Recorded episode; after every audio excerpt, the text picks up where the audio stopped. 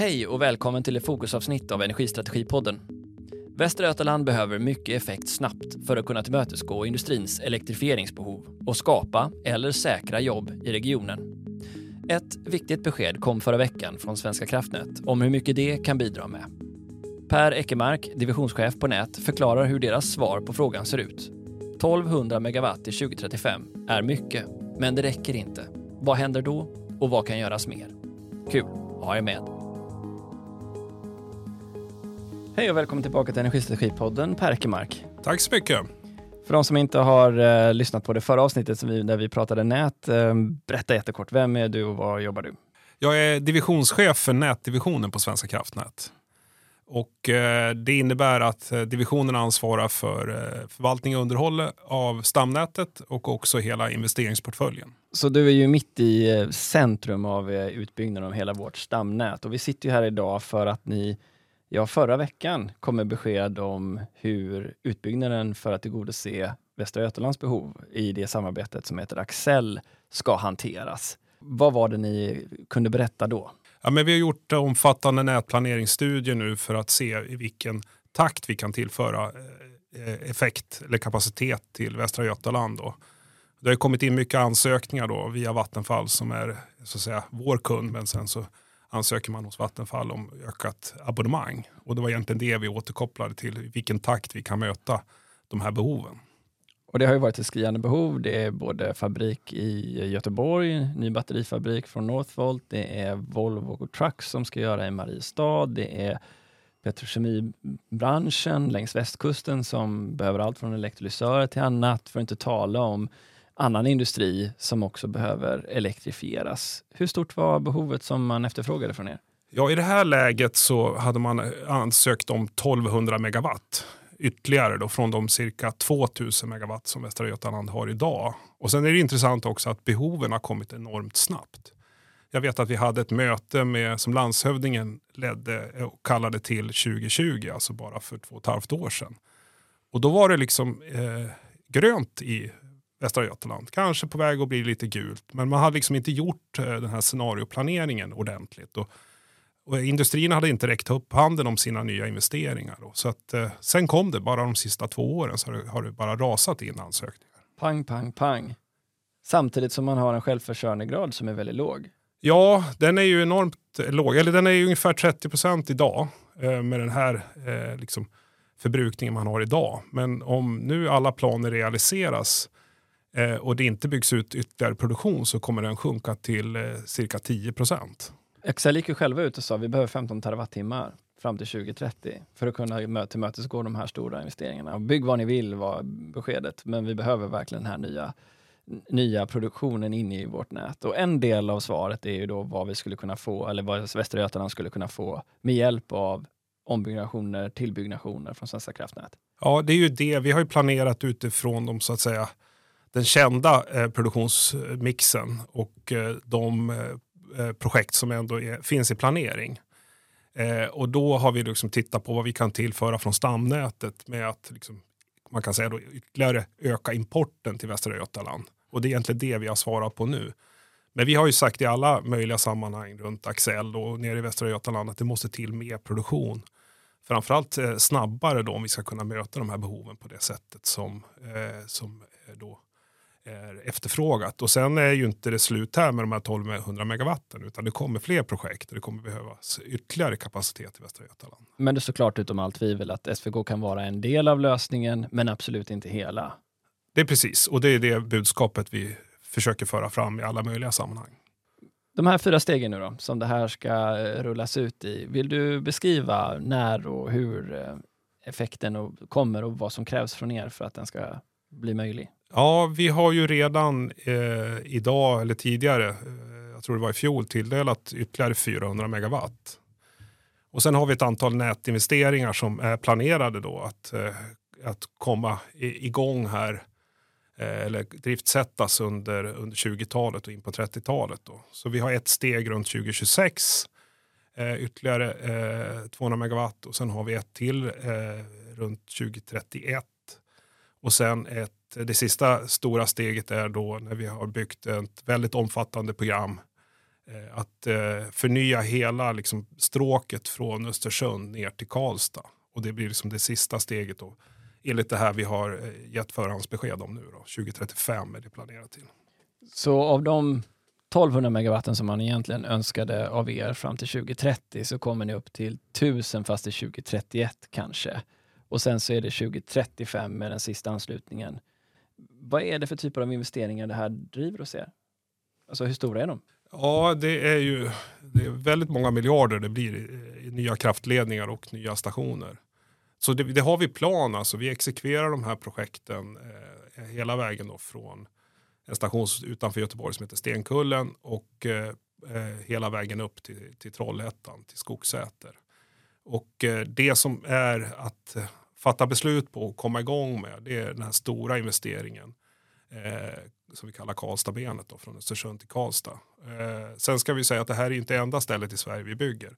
Vi har ju väldigt stora investeringar eh, på de här andra stråken ner mot Uppsala och ner mot Västerås, som också är en del av nord-syd och väldigt mycket upp i Norrland. Och sen förnyar vi också alla ledningssträckor från Göteborg söderut hela vägen ner till Malmö. Malin Johansson från Ikem gick ut som en respons för den här planen med uttalanden om att det här är ett uselt och väldigt otydligt besked. Utan el riskerar den enorma klimatomställningen försenas och kanske till och med omöjliggöras, var hennes budskap till det här. Hur tänker du när du hör den här frustrationen som finns kvar? För uppenbarligen räcker ju inte det här för alla de behov som finns. Nej, jag kan förstå den frustrationen för att eh, de här industrierna är ju väldigt på och vill investera och ställa om eh, sin produktion att, att, vara klimatneutrala och också skapa konkurrenskraft och, och nya jobb eh, för Sverige. Så att det, det är förståeligt. Eh, sen är det ju så att eh, att bygga eh, infrastruktur, infrastruktur tar väldigt lång tid. Eh, och vi har eh, långa ledtider för det och vi har komplicerade tillståndsprocesser som måste, vi måste eh, komma igenom för att eh, få tillåtelse att bygga. Och det här jobbar vi ju väldigt hårt med att eh, förkorta de tiderna. Och det är också ett väldigt bra och spännande initiativ som, som Västra Götaland har startat upp där som heter Axel. Och det syftar till att eh, snabba upp den här nätutbyggnaden. Och vi hoppas ju och siktar på att kunna korta de här tiderna som jag gav nu här lite grann. Då. En hade ett möte även, även idag om det här. Ja, det var en, en workshop idag där vi var med och Vattenfall och sen var det alla berörda kommuner och också eh, representanter från Länsstyrelsen som ja, jobbade under en hel dag med ett antal olika korridorsval då, som vi har jobbat fram. För att se vad är bästa och vad är det smartaste vägen att komma då från, eh, från utanför Göteborg och hela vägen via Stenungsund upp till Trollhättan. Så att vi gör minsta möjliga påverkan och har största eh, sannolikheten att få godkänd koncession och inte få överklagan. Hur viktig är den typen av eh, samarbetsmöten i syfte att minska tillstånd, eller, eh, tiderna att bygga? Den är oerhört viktig och det är ett helt nytt grepp när det gäller att planera eh, eller elinfrastruktur i Sverige. Det är ju någonting vi har jobbat med nu under senaste ett, ett och ett halvt åren uppe i Norrbotten under det som heter Agon. Då. Och eh, Västra Götaland tog upp det här och startade upp det med eh, landshövdingen Sten Tolfors eh, i spetsen då i september i fjol. Och här är en av aktiviteterna vi gör då för att hjälpa oss att hitta bästa möjliga framkomlighet. Sen har vi ett antal andra områden vi jobbar ihop med under paraplyet och Axel. Eh, utifrån ditt perspektiv, hur viktig är Länsstyrelsens roll i det här arbetet? Ja, men de är ju jätteviktiga, verkligen. Eh, de ska ju värna de olika intressena som finns längs vägen. Då. Att de kommer ju också vara en väldigt viktig remissinstans när eh, Energimarknadsinspektionen ska ta del av vår koncessionsansökan och uttala sig då om, om på de intrång då vi tvingas göra då, eh, längs vägen. Då. Så att de är jätteviktiga och de har vi med oss i det här jobbet. Då. Och, eh, det är viktigt, det är väldigt viktigt va, hur eh, kommunerna påverkas och eh, hur vi kan komma i en bra dialog med kommunerna och eh, så att de är med på att vi hittar en bra väg. Eh, så att de också kan ja, påverka sina medborgare i kommuner runt markägare och sånt som berörs. Är det så att du kan säga och vet vilka det är nu som får tilldelning för de behoven som de har planerat för?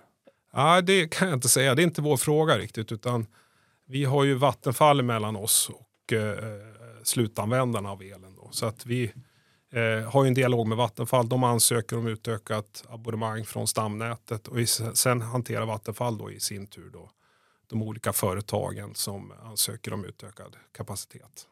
Så utan tvekan, elen eh, som kommer eh, utifrån kommer inte räcka till alla. Ny produktion säger du. Vad finns det mer för verktyg som är centrala för Axel att jobba med som du ser det? Ja, det är också ett annat spännande område som vi jobbar inom ramen för Axel. Och vi tittar på hur kan vi nyttja flexibilitet? Hur kan vi skapa, eh, alltså förändra avtalsstrukturen så att vi kan ha eh, kunder som är mer flexibla i sin elanvändning? Och hur kan vi kanske då stötta det och göra det på ett effektivt sätt när vi sen exekverar den här typen av eh, flexibilitet? Och det kan ju också vara ett, ett, eh, viktigt bidrag då att eh, man hittar kunder som, som kanske inte alla tider på året behöver sitt topp, eh, toppeffekten på sitt abonnemang utan man kan, vara, eh, kan eh, flytta det i tiden helt enkelt och hjälp, avhjälpa den totala situationen. Okej, okay, så det är egentligen då att man behöver jobba med då dels eh, nybyggnation, man behöver jobba med alltså utbyggnad av nätet, utbyggnad av ny produktion, flexibilitet av villkorade abonnemang, det är alla de här typerna av verktyg. Men givet hur nu elmarknaden utvecklas och hur behoven också ser ut eh, uppe i, i Norrbotten, vet vi att det kommer kunna komma el till Västra Götalandsregionen när det här väl är byggt? Ja, men det är ju det som är utmaningen. Alltså, Sverige ska ju mer än fördubbla elanvändningen om man eh, tittar på alla liksom, prognoser som har kommit de senaste åren.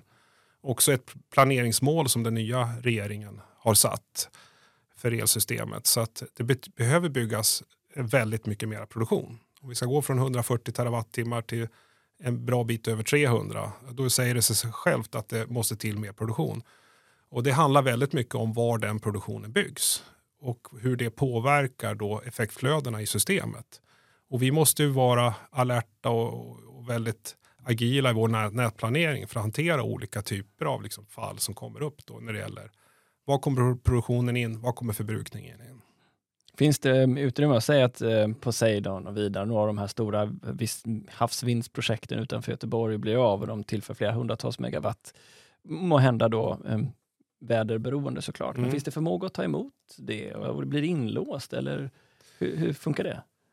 Det funkar ju som så att vi eh, skriver ett intentionsavtal med den som ska ansluta sig. Så att när vi gör det så har ju vi räknat på det här och tittat på nätplaneringen så att eh, stamnätet ska kunna hantera den inmatade effekten.